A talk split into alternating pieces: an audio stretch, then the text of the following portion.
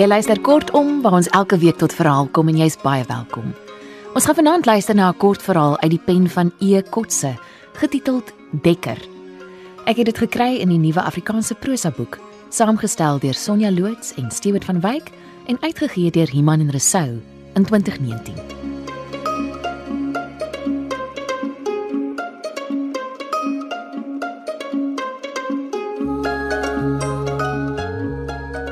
In die vlak klowe van die platberg het die dae van opstandtyd tot slaaptyd weinig besonders opgelewer. Die vrou is 'n roksome het laag gesit. Hul hare was in bollas gedraai en met haarnaalde vasgesteek en selfs binne in die lae muurhuise het hulle kappie gedra.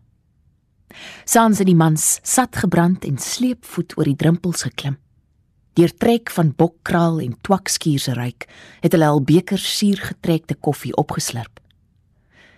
Dit was buitestanders wat die romantiek van rokende kersse en pitwater herontdek het. Nuwe eienaars het lewe in klein weggooi plasies kom pomp. Toegegroeide fonteine is oopgesteek en leiwater uitgekeer. Bome wat lank droogte gelei het, het hul wortels in volgeloopte kuile versadig. Die jagers was beroepsmense wat nog 'n diens aan die gemeenskap kon lewer. Danny, 'n afgetrede werktuigkundige, het op die ou Bokhoringwerf 'n skuur as werkwinkel ingerig. Hy was aan die kort kant met 'n grys snor en hare, springerig, soos droë eie saad, maar nog fliks en bekwam. Sy vrou het 'n goeie kop bo hom uitgestaan. Sy was donker met 'n naam soet soos die pers adamsfytjies wat in die herfs ryp word.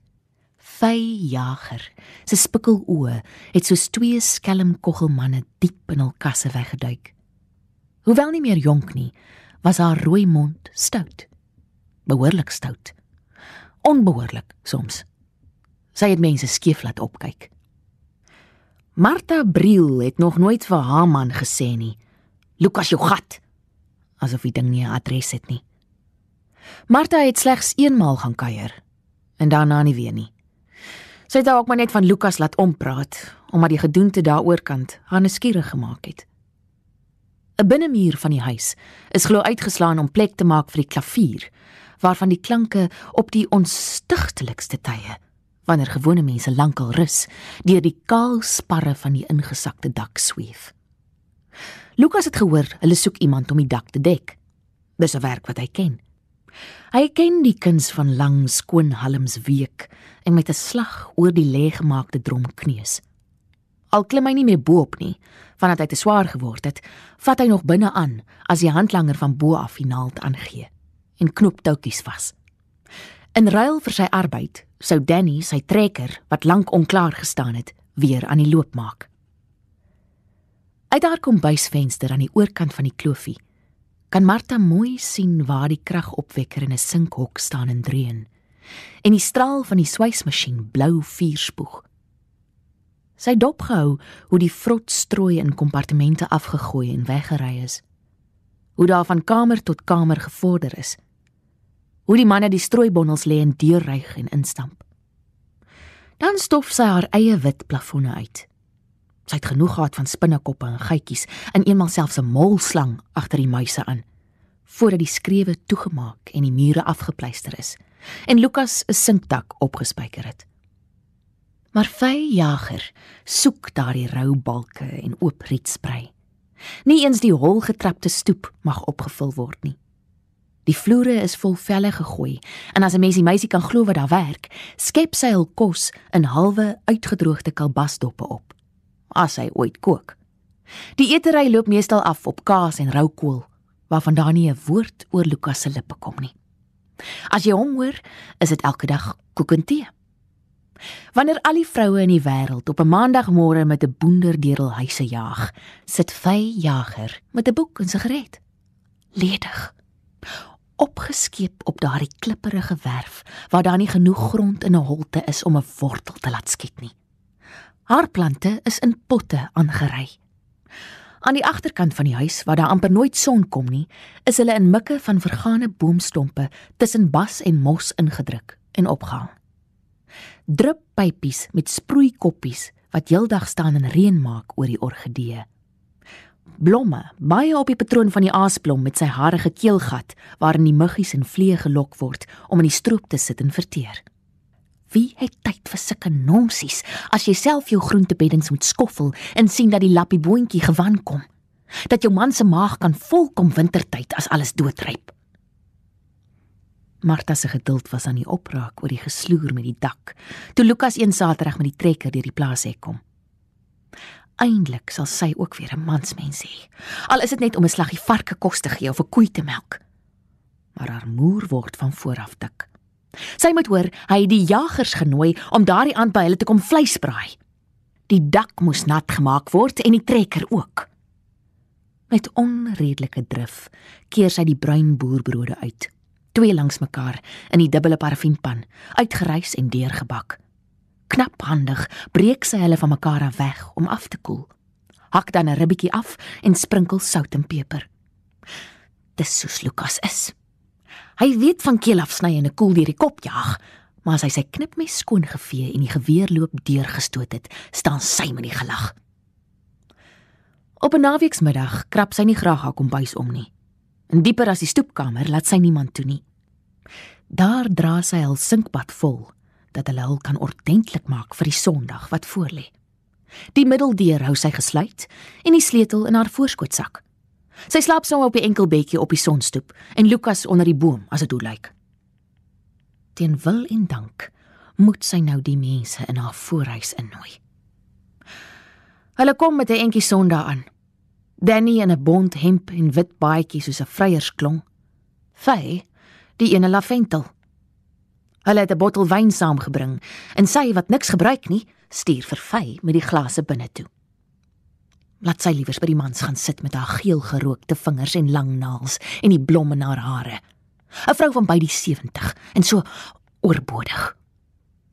Martha wou skaars kyk na die stywe pink blaartjies wat wegkrul van die pers oopbek slippertjie tussen die kort swart krulle. Die tros, toegedraai in selofaan, wat vir haar bedoel is, druk sy sonder styl in 'n beker en plak dit op die vensterbank neer. Begin dan vet en konfyt in potjies skep en borde uithaal. Faye se aanbod om te help slaai maak, het sy bedank. 'n Tamatie en ei kan sy self opsny. Wat gesels jy met 'n mens wat heeldag sit 'n boek lees? Terwyl die mes met sekuur hale kerf en kap, sit Faye in haar uitskopskirt en onderrok waarvan die kant uitsteek, sigaret tussen die vingers, een lang been oor die ander gekruis en voetjie klop. Ses stywe rugstoele is vas teen die mure van die kraaknetjie se ongebruikte vertrek geskuif. Tafel in die middel, kas met snuisterye, prente, haks gehang. Die vloer is bedek met linoleum waarvan die takkies patroon onder die glans van politoer effens ligter getrap is in die paadjie tussen die kombuis en kamer. Deur die sonfiltergordyne voor die slaapkamervenster val die lig skugtig oor 'n opgepofte bulsak met wit deken en geborduurde kussingslope.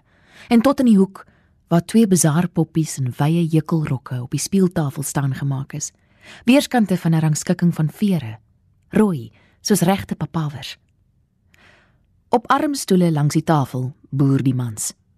Lukas is skoon geskeer tot in sy nek waar 'n matras borshare uitkruip oor sy oop hempskraag Daar sit die krag van 'n bees in sy voorarms en skouers. Hoewel gelooi tot op sy bles, het hy sy aansienlikheid nie heeltemal verloor nie. Maar die oë van die oorywerige tollie wat hy eens was op die trouportret langs Martha, het versigtig geword. Hy het nog altyd sin gehad om 'n stuk vlei grond onder weiding gewasse te sit, waarop hy 'n paar skape kan aanhou en kalvers vet voer. Tuinery was nog nooit in sy bloed nie. Hy kom uit 'n saai wêreld. In sy jong kereldae het hy met vragte rogstrooi uit die leegtes opgekom na die platberg waar elke huis 'n strooidak het. Hier het hy dekker geword en het gebly tot nou toe.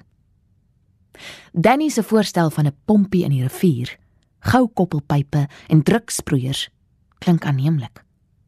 Hulle is verdiep in 'n hastige diagram agterop 'n sigaretpakkie toe die eintlike baas van die plaas inbreuk maak. Strak met middelpaadjie. Die lippe dun en bloedloos. Kondig sy aan dat die koele reg is. Hulle kan maar braai.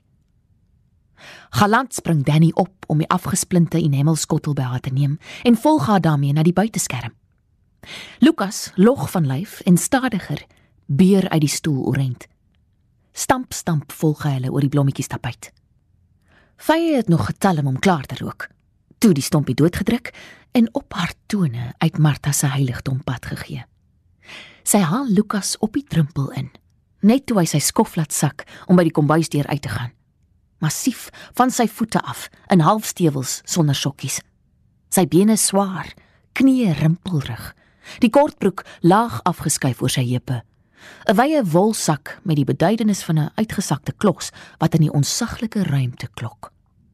Terwyl Martha by die braaiplek bekwame instruksies gee oor hoe Danny die kole moet oopkrap, en self die koljanderrib tussen die roosters toeklamp. Gee sy haar oor aan 'n versoeking. Sy buig agter hom in en volhand omvat sy die teelsak van die ou binnenaaier wat sy laaste dae onder dekstof aan ander se balke moet hang. Botstil verbaas, steek Lukas in sy spoor vas toe die speelse vrouehand om aanraak. Gelyktydig met die eerste aptydelike sisgeluide van vleis op die vuur, krink hy hom stadig om na die lagende gesig wat verkrekel is van ondeende pret. En Waterbek met 'n jong bul steen fluister hy: "Fy, jy's darm 'n lieflike mens." Hy sou die vlei in een dag kon omkeer.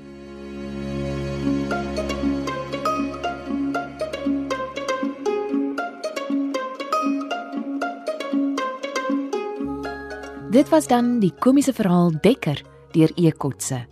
'n Heerlike aand vir jou. Tot volgende keer.